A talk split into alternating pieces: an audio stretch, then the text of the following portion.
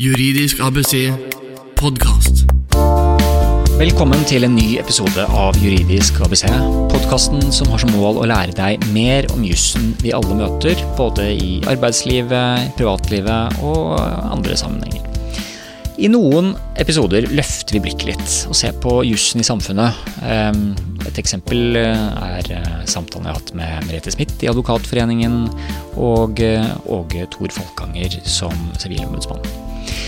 Denne episoden er nok litt en krysning, eh, der vi både skal se på en sentral statsmakt, og også få kunnskap som kan være nyttig for deg som privatperson. I Norge er statsmakten som kjent delt mellom for det første den lovgivende myndighet, Stortinget, som vedtar lovene våre. Deretter har vi den utøvende myndighet, regjeringen, som sørger for at lovene blir iverksatt og gjennomført. Og til sist så har vi den dømmende makt, representert ved Høyesterett, som tolker lovene og anvender lovene i hver enkelt rettskonflikt. Storting og regjering er godt kjent for de aller fleste, men hva vet du egentlig om Høyesterett, utover at det er den øverste domstolen i Norge? Er du fast lytter, så har du hørt meg si før at gjestene på denne, podkasten er blant landets fremste på sitt område, men i dag er det likevel helt spesielt. I denne episoden får du gleden av å være med meg når jeg går på besøk til kontoret til høyesterettsjustitiarius Tore Skei. Høyesterettsjustitiarius er den dommeren som leder Norges høyesterett. I den offisielle rangeringen av de øverste i hele kongeriket Norge, det såkalte hoffreglementet, så er høyesterettsjustitiarius rangert på en fjerdeplass etter kongen, stortingspresidenten og statsministeren. Rett etter statsministeren, altså. På en fjerdeplass. I jussens verden så er det ikke noe fjerdeplass vi snakker om. Der er det utvilsomt slik at høyesterettsjustitiarius er den mest prestisjefylte stillingen man kan ha. Dagens gjest er Tore Skei. Han har ledet Norges øverste domstol siden 2002, vært dommer i Høyesterett siden 1985. Her er samtalen jeg hadde med Skei på hans kontor.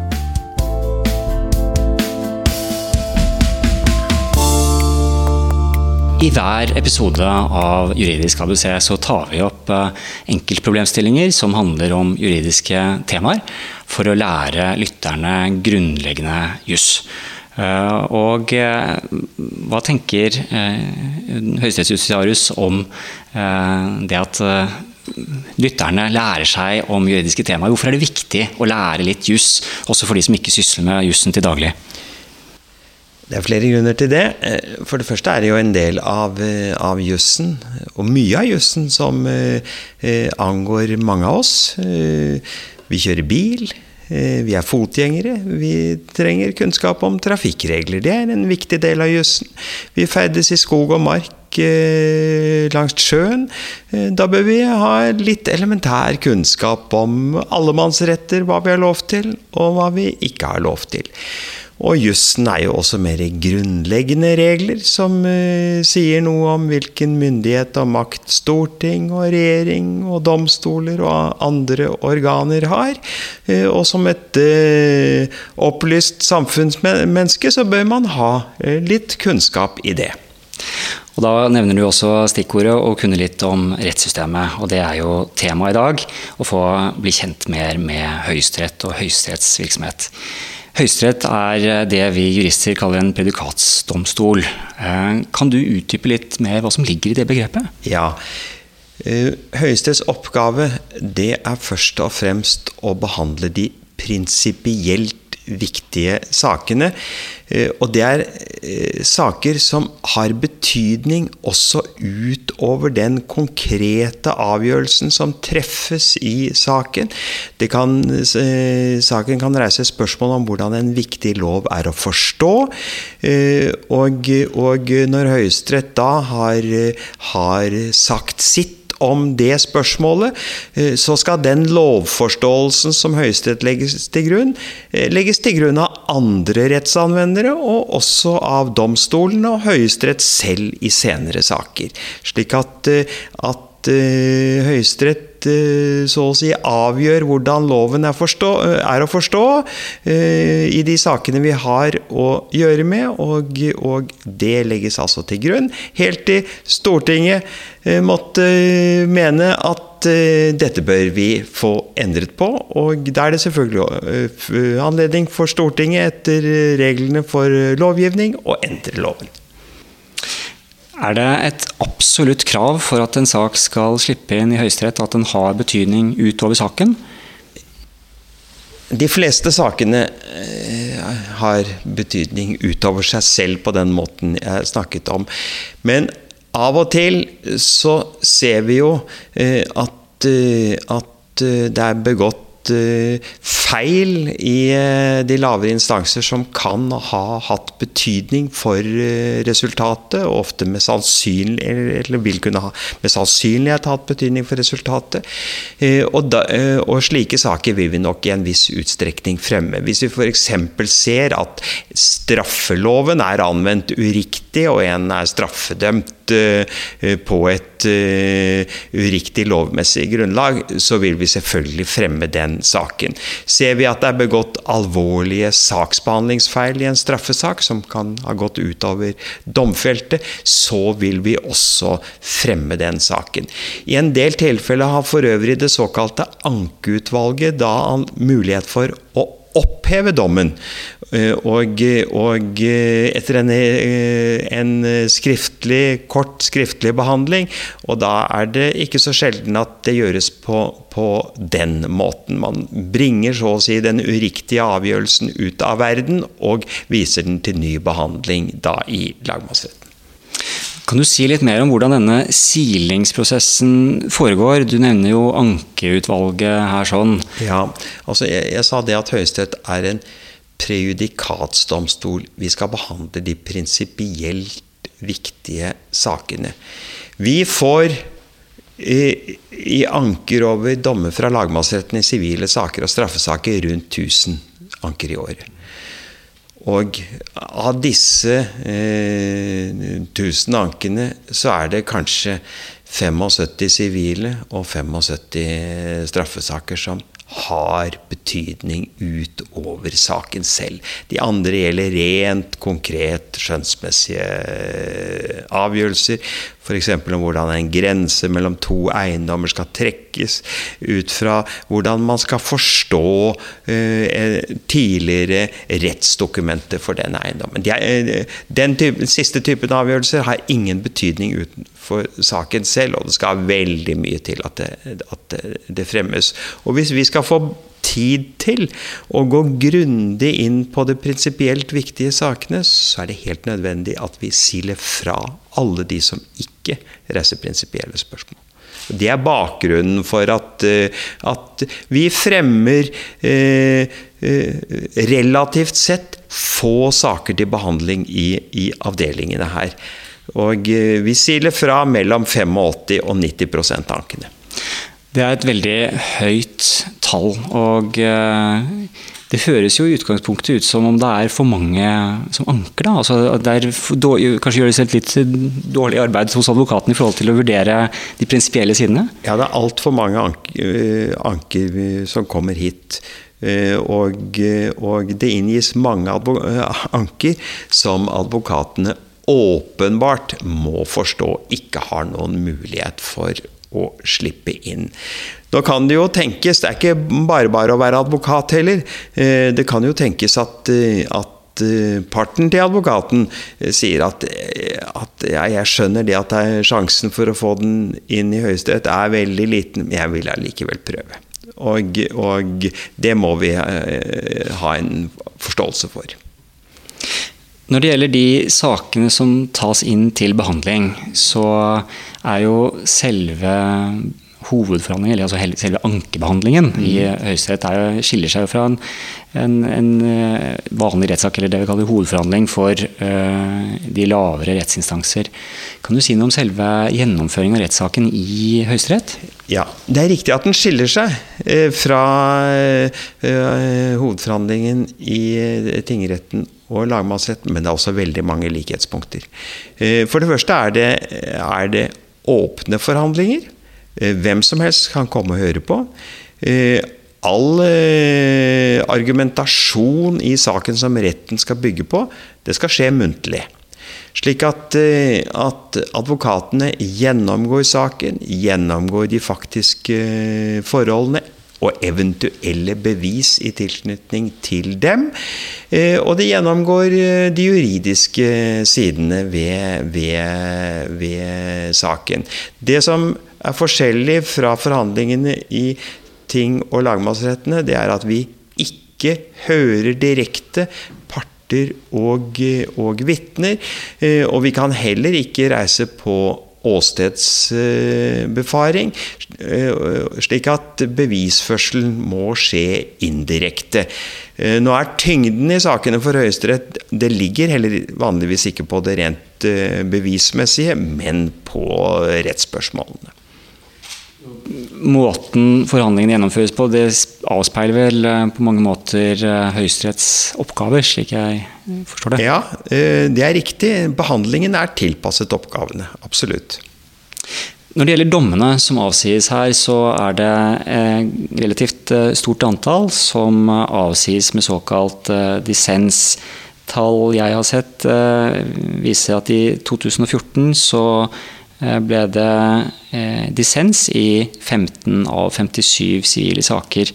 Kan du forklare litt om hva dissens er, og, hvorfor man får dissens? Ja, dis, eh, vi er, vi, Kanskje jeg skal først starte med å si litt generelt om saksgangen. Altså jeg sa vi får inn mange uh, ulike avgjørelser her. Så er det uh, anker i ulike avgjørelser. Så har vi et såkalt ankeutvalg med tre dommere som avgjør om saken skal slippe frem eller ikke. For så vidt gjelder anker om, om, om dommer. Og de dommene som da, da, henvises, de behandles i avdeling, og der har vi fem dommere. Og behandlingen er muntlig, slik som jeg nettopp beskrev den. Etter at advokatene har hatt sine innlegg, så går dommerne hver til sitt, og hvis det er litt størrelse, og, og ser på saken på nytt ut fra det som har kommet frem i, i ankeforhandlingen, så møtes vi. Og hvis det ikke er helt små saker, så er det gjerne dagen etter om, om morgenen. Og så rådslår vi, som vi sier, og det skjer på den måten at Eh, rettsformannen, det er eldste dommer, eh, han eller hun eh, går gjennom saken, partenes argumentasjon, og, og kommer med sitt syn, begrunner det på, på, de rettslige spørsmålene, og den avgjørelsen han eller hun da mener er riktig. Så går ordet rundt i ansiennitetsrekkefølge, og ikke sjelden har vi også en, en runde til. Da er, er det avklart, iallfall foreløpig, hvordan dommerne stiller seg til, til eh, saken og resultatet. I de fleste sakene, ca. sånn røftlig 80 80-75% eller rundt 80% så er vi faktisk enige. Eh, men det er noen eh, saker hvor vi, og ikke så få som du var inne på, saker hvor vi ikke er uenige. Rundt en røftlig 20 eh, Det kan være én eller to av dommerne som har et annet syn. Og, og så skrives et utkast til dom. Eh, etter at vi har hatt den eh, rådslagningen.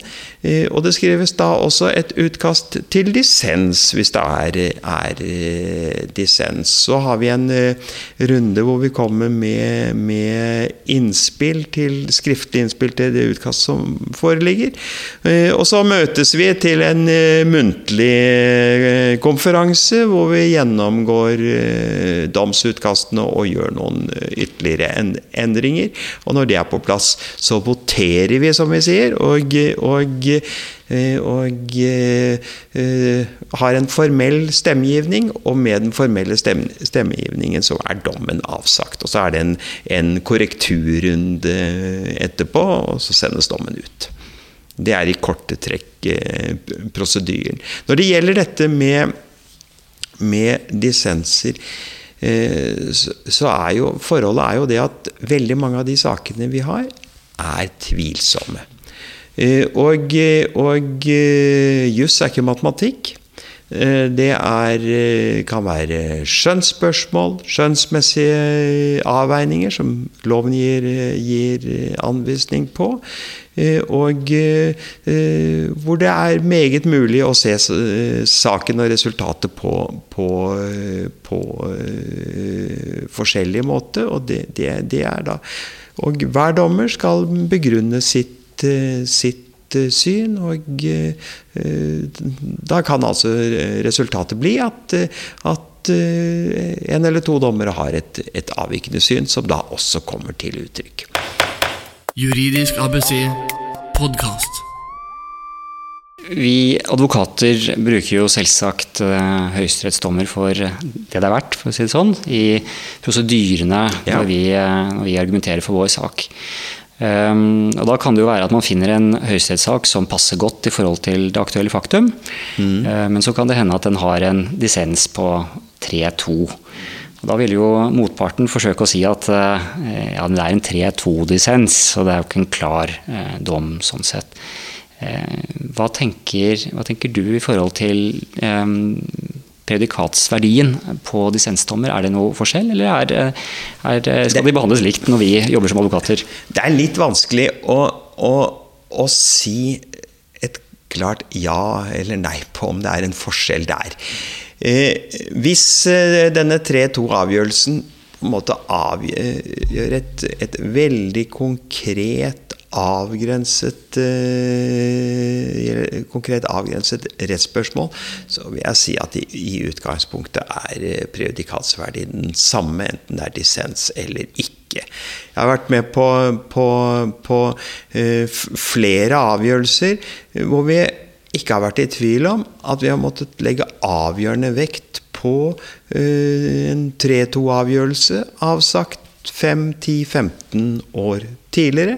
Eh, og, og, og, det har også da gjerne vært tilfellet hvor, eh, hvor eh, de som har vært berørt av rettsspørsmålet, har innrettet seg etter den avgjørelsen som, som er truffet. Det har noe med forutberegnelighet å gjøre. Av og til kan jo rettsspørsmålet være, være litt mer generelt og vagt. Og det skal ikke så mye til før vi kan si at sakene begynner å skille seg litt fra hverandre. Eh, og, og da vil nok et, et litt bredere syn, eh, som bare har støtta tre av eh, fem dommere, stå, kunne stå svakere enn om dette litt brede synet hadde hatt støtte alle. Der kan det være en viss forskjell.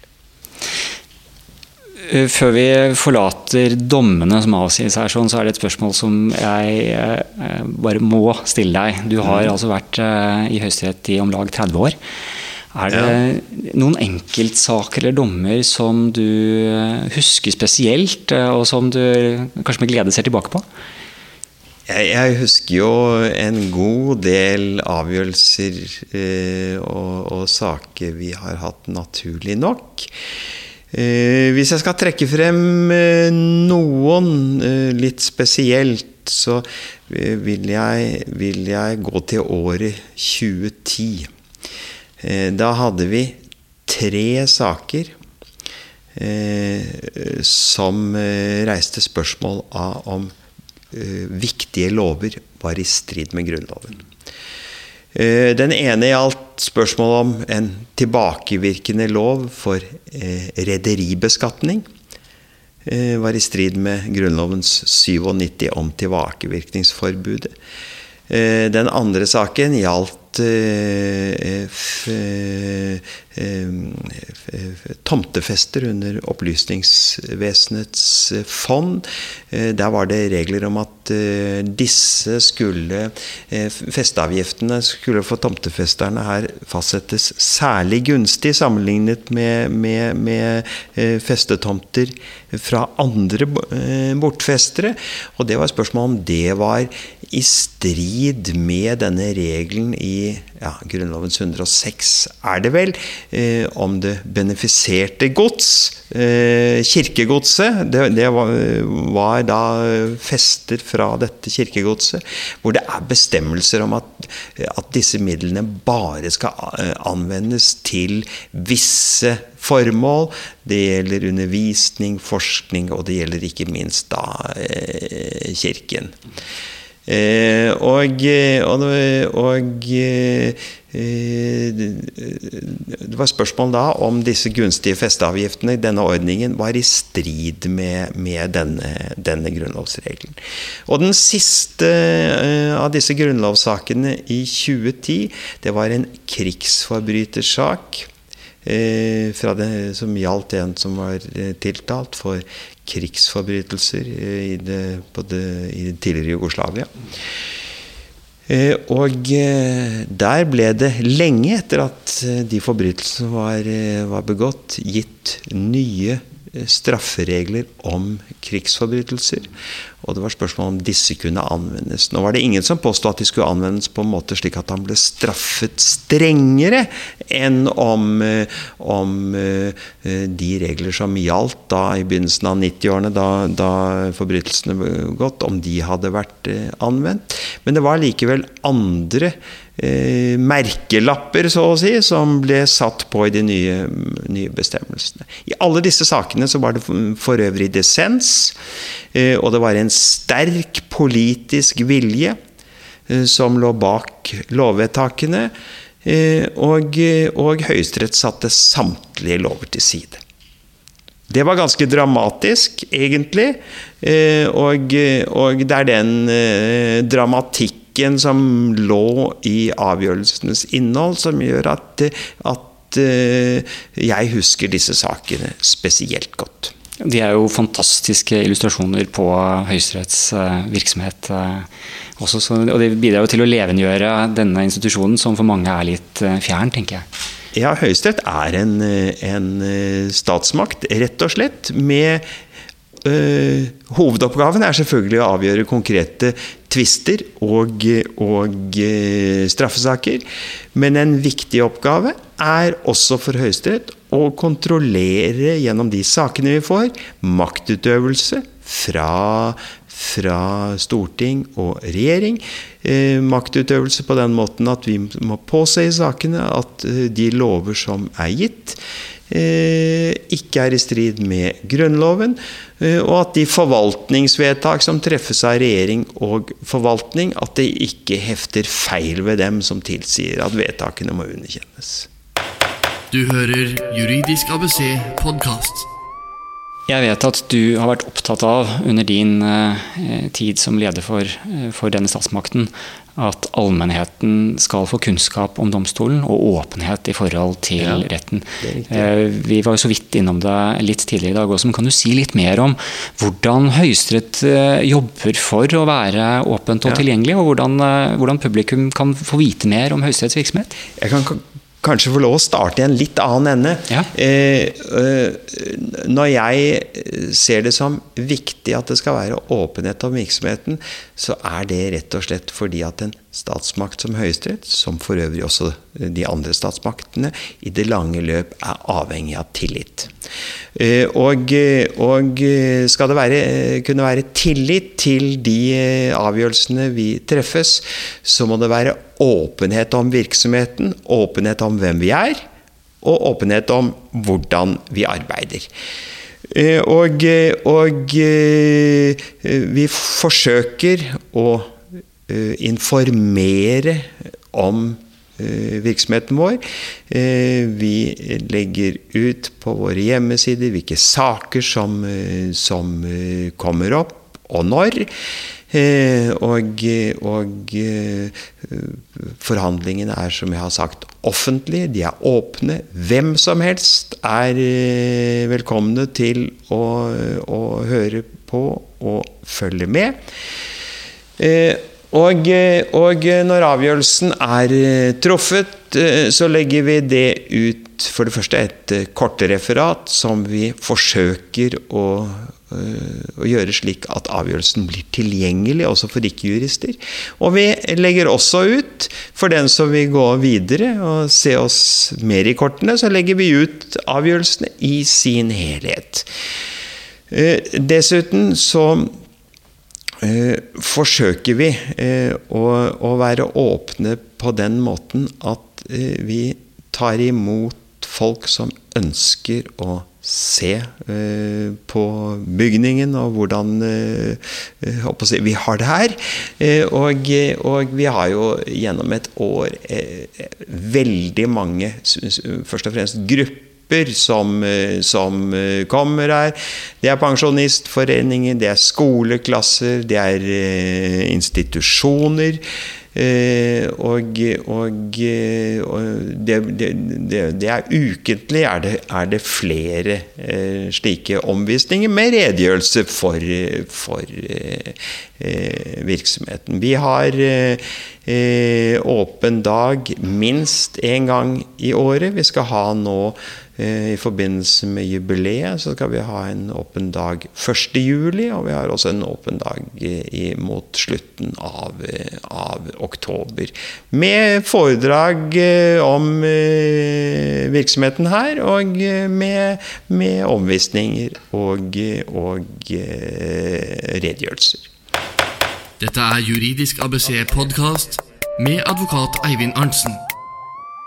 Da vil jeg skifte tema litt i forhold til å se på de dommerne som sitter i Høyesterett. Det jo, har vært mye i mediene synes jeg, de siste årene i forhold ja. til spørsmål om dommerutnevnelser, offentlige søkerlister med, med, videre. Kan du veldig kort si noe om hvilke endringer som Høyesterett står overfor nå uh, i forhold til uh, nye dommere? Uh, hvilke, hvilke, antall og hvilke stillinger som skal besettes, og, og, litt om hvordan den prosessen er tenkt gjennomført? Ja, altså Vi er totalt sett 20 dommere i Høyesterett, inklusive justitiarius, som jo er dommer på like linje med de øvrige.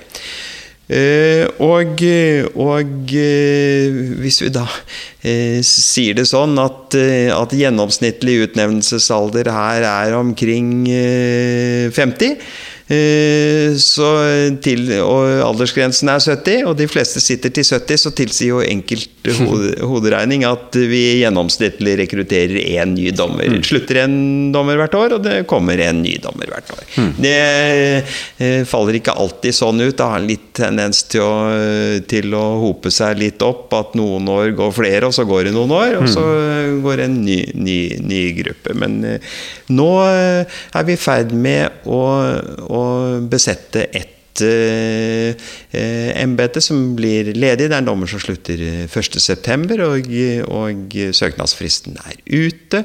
Eh, og da er søkt eh, tre gode, meget gode kandidater. Eh, og, og, systemet er at, at det er et innstillingsråd for dommere Eh, som dels er sammensatt av eh, noen dommerrepresentanter, dels for andre juridiske profesjoner, og dels for, for allmennheten, altså ikke, ikke jurister. Eh, og, og, de avgir en Dette innstillingsrådet avgir en innstilling til justisministeren, til regjeringen, om hvem innstillingsrådet mener bør uh, utnevnes. Så får uh, Høyesterett innstillingsrådets uh, innstilling til uttalelse. Og, og det skjer da på den måten at, at alle dommerne Eh, samles. Eh, og så eh, har vi en diskusjon om dette med utgangspunkt i Innstillingsrådets innstilling. og det munner ut i at Justisiarius gir et råd til justisministeren. Det skulle jeg sagt at Innstillingsrådets innstilling den er offentlig. Og de rangerer. Eh, og, eh, og den, det råd vi gir, eh, eller jeg gir justisministeren, det gjøres også offentlig. Legges ut på Høyesteretts hjemmeside. Så hvis vi er enige eller uenige med Innstillingsrådet, så vil det bli kjent. Til Innstillingsrådet i sin nåværende form har vært i virksomhet, hvis jeg nå husker riktig, siden 2004, tror jeg det er. Eh, og, og eh, til nå har vi ikke opplevd at det har vært uenighet mellom Innstillingsrådet og Høyesterett. Men hvis det skulle være, så vil det komme frem, og det vil bli kjent. Og så uh, utnevner uh, regjeringen, og for så vidt gjelder høyesterettsdommere, har regjeringen så langt da fulgt Innstillingsrådets og Høyesteretts råd på, på spørsmålet om hvem som bør utnevnes. Juridisk ABC podkast. Mange kjenner begrepet høyesterettsadvokat. Det heter i dag noe annet. Advokat med møterett for Høyesterett. Ja. Kan du si litt kort om hvordan en advokat får møterett for Ja. Høyesterett, Ja. og hva som ligger i det? Ja, så Når det gjelder sakene som skal behandles i avdeling her, eh, så må advokaten i utgangspunktet ha møterett. Det er altså ikke nok å være advokat. eh, eh, eh, ma- eh, Man må i tillegg ha møterett. Og for å få det, eh, så må man avlegge eh, en prøve for Høyesterett. Man må prosedere to saker for avdeling, såkalte prøvesaker. Og det er eh, Tanken bak det er at Høyesterett eh, ut fra sin viktige rolle er helt avhengig av å få gode prosedyrer. Eh, få god, rett og slett, hjelp til å nå gode avgjørelser. Eh, Og, og eh, ikke alle advokater eh, greier det. Eh, Men mange gjør det på en aldeles utmerket eh, måte. Og, eh, og i veldig mange saker så er det en prøveadvokat. Og de fleste eh, advokatene greier dette, komme gjennom det nåløyet, som da kanskje ikke er så trangt, i at de, fleste kommer gjennom. Eh, eh, men, men en røftlig ja, 20% av de som fremstiller seg, gjør det ikke. Vi var litt inne på at uh, Høyesterett er 200 år i år. Det er et viktig jubileum, og det er Ja. også noe av uh, bakgrunnen for at jeg ønsket å, å Ja. få lov til å komme hit. Um, hvis vi da gjør et stort skritt og går tilbake i, uh, i tid i forhold til uh, 1814, uh, som jo ble feiret i fjor, uh, og det som skjedde året etter da Høyesterett kom i gang. Eh, Hvor viktig var det for Norge på den tiden å, å få sin egen høyesterett? Norge skulle jo bli et, en fullt ut selvstendig nasjon. Eh, Og, eh, og til en selvstendig nasjon så hører det en selvstendig utøvende makt, en selvstendig lovgivende makt og en selvstendig dømmende makt. Eh, Og, eh, og, eh, så det var helt, eh, helt avgjørende og helt selvfølgelig. Eh, Og eh, regler om høyesterett ble jo da gitt, selvfølgelig, i, i Grunnloven av, av 1814, 17. mai-grunnloven. Eh, Og de reglene de var helt uforandret. Det ble, ble ikke gjort noen endringer i, i dem ved grunnlovsrevisjonen 4.11.1814 i forbindelse med unionen med, med Sverige. Og, og sta, det gjaldt jo generelt for de tre statsmaktene at de veldig langt på vei var intakt, for å si det sånn, etter unionen med, med, med Sverige, og fullt ut for, for uh, Høyesterett. Så Høyesterett har aldri hatt uh, i unionstiden noen sånn link til svenske domstoler, for å si det på den måten. Ingen. Det har jo akkurat Når dette tas opp, eh, så har vi markert eh, at det er 75 år siden eh, krigen, siden Ja. tyskerne kom. Ja, ja. Hvordan fungerte Høyesterett i krigsårene? Altså, til å, å, å, begynne med så var jo fortsatte Høyesterett sin, sin virksomhet. Den var jo på en måte den eneste statsmakten som, som var tilbake. Og, og Høyesterett uh, oppnevnte jo da i aprildagene administrasjonsrådet. Uh, det har det vært en del diskusjon om, ikke minst i de senere år, om, om var riktig og, og heldig. og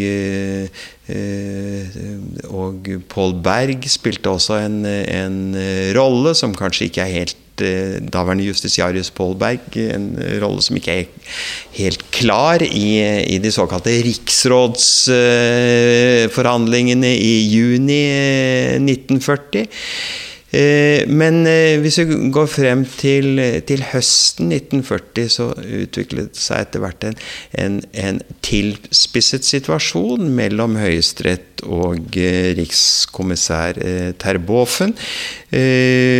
Fordi at Eh, at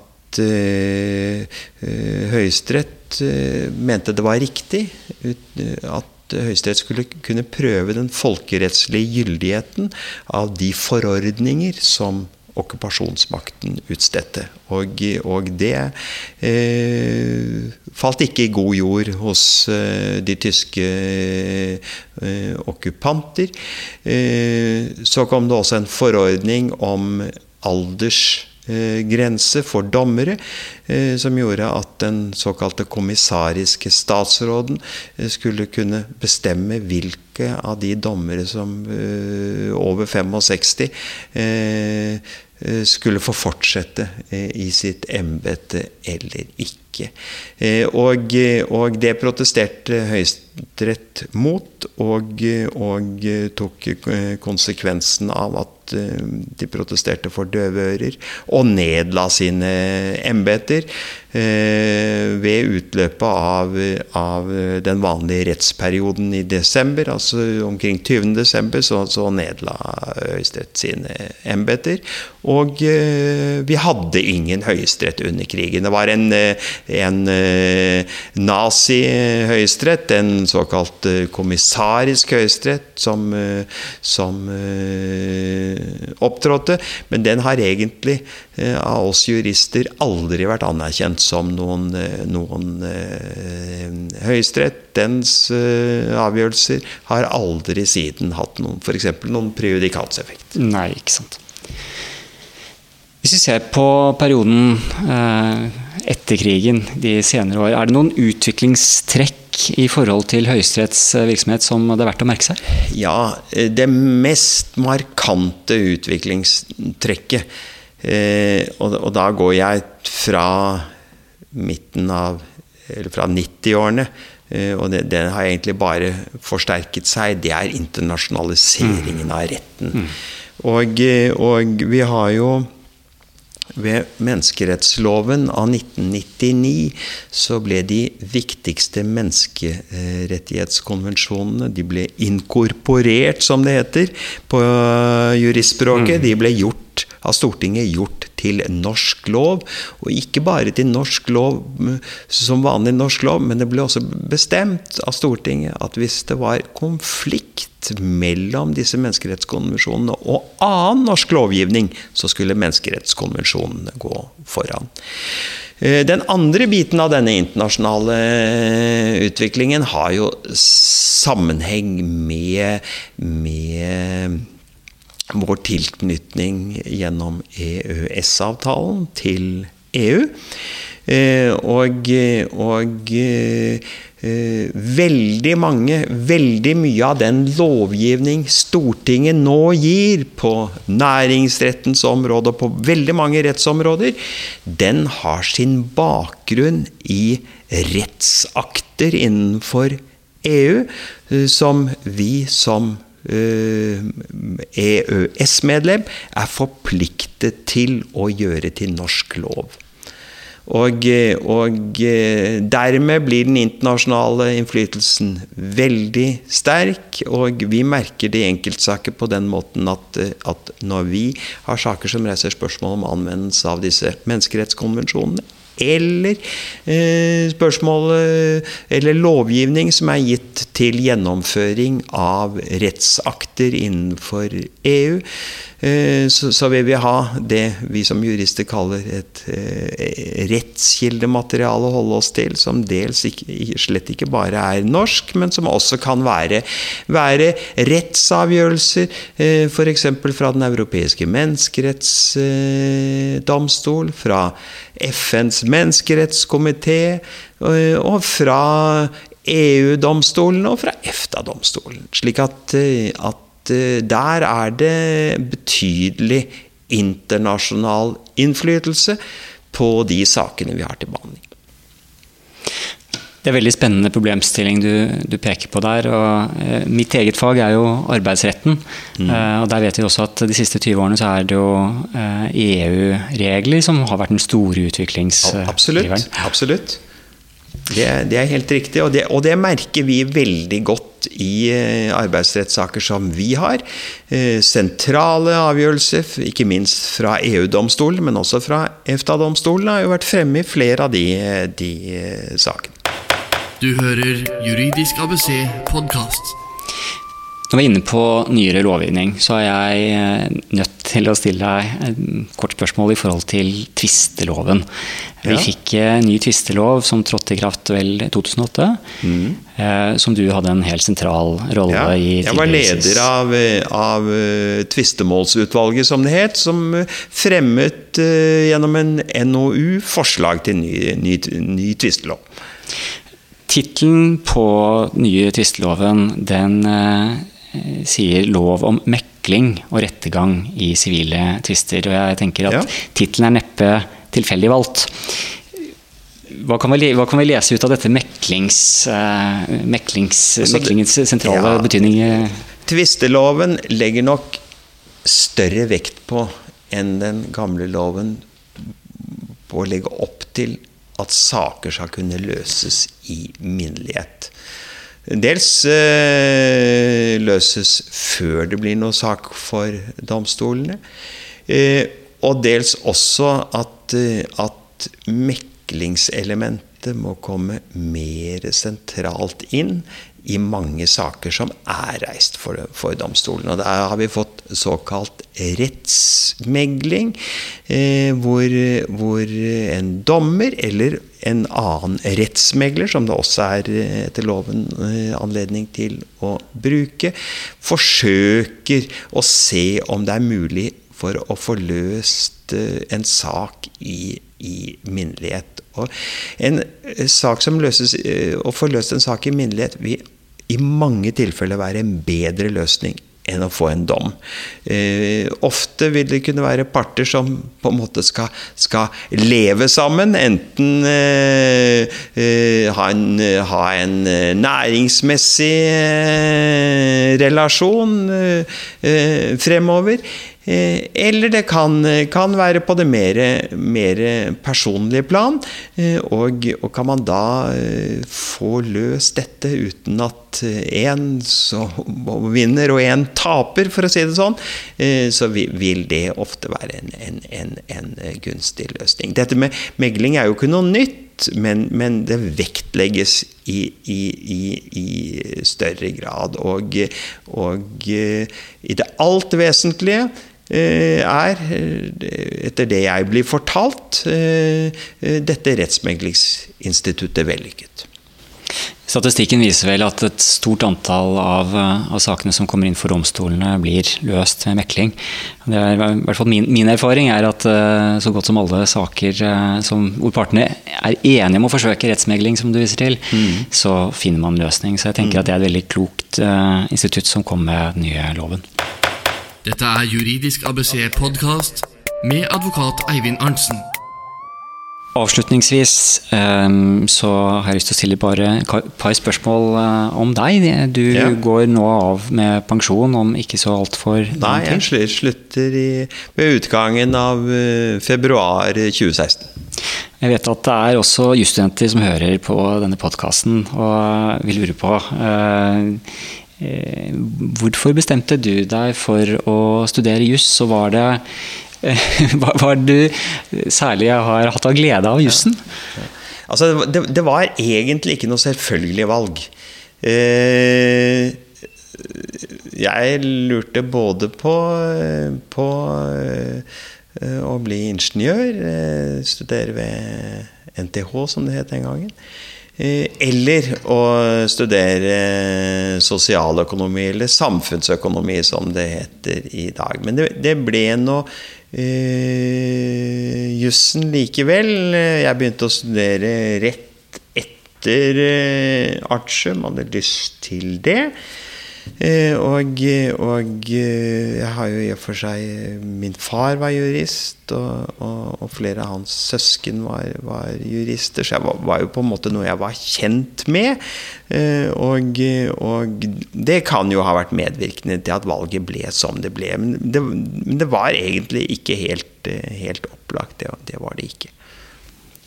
Hvis du ser tilbake på din fantastiske karriere, er det noen enkeltepisoder. Det er helt sikkert veldig mange høydepunkter. Men er det noe man spesielt kan trekke frem i forhold til din karriere, som du eh, ser tilbake på med særlig stor glede?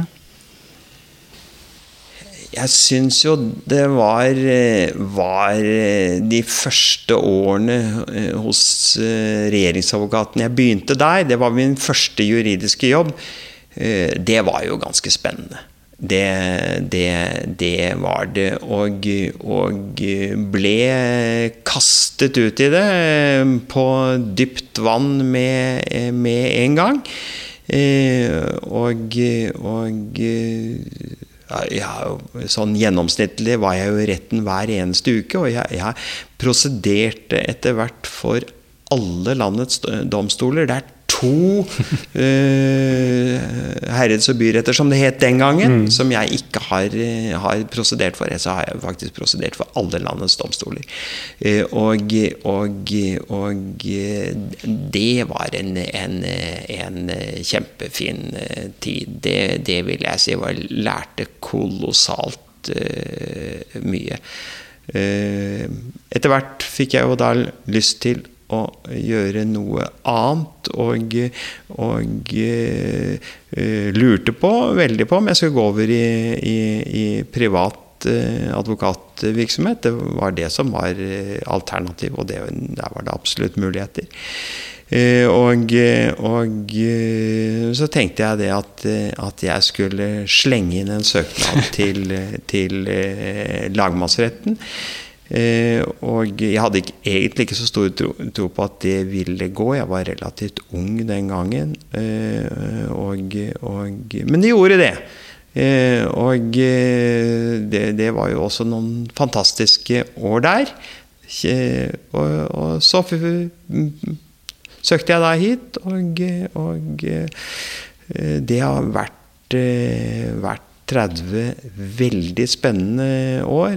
Vi har masse interessante saker, og det har jo vært morsomt over tid å følge denne institusjonen etter hvert som eh, andre dommertyper kom inn. Og, og, og så, så, så, det har vært, eh, vært en, en, en, flott tid, det, det vil jeg si.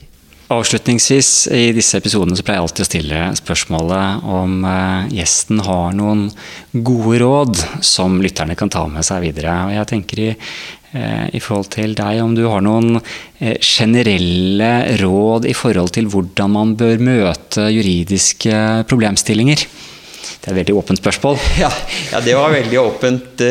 åpent spørsmål. Og, vi møter jo det alle sammen på, på ulike måter.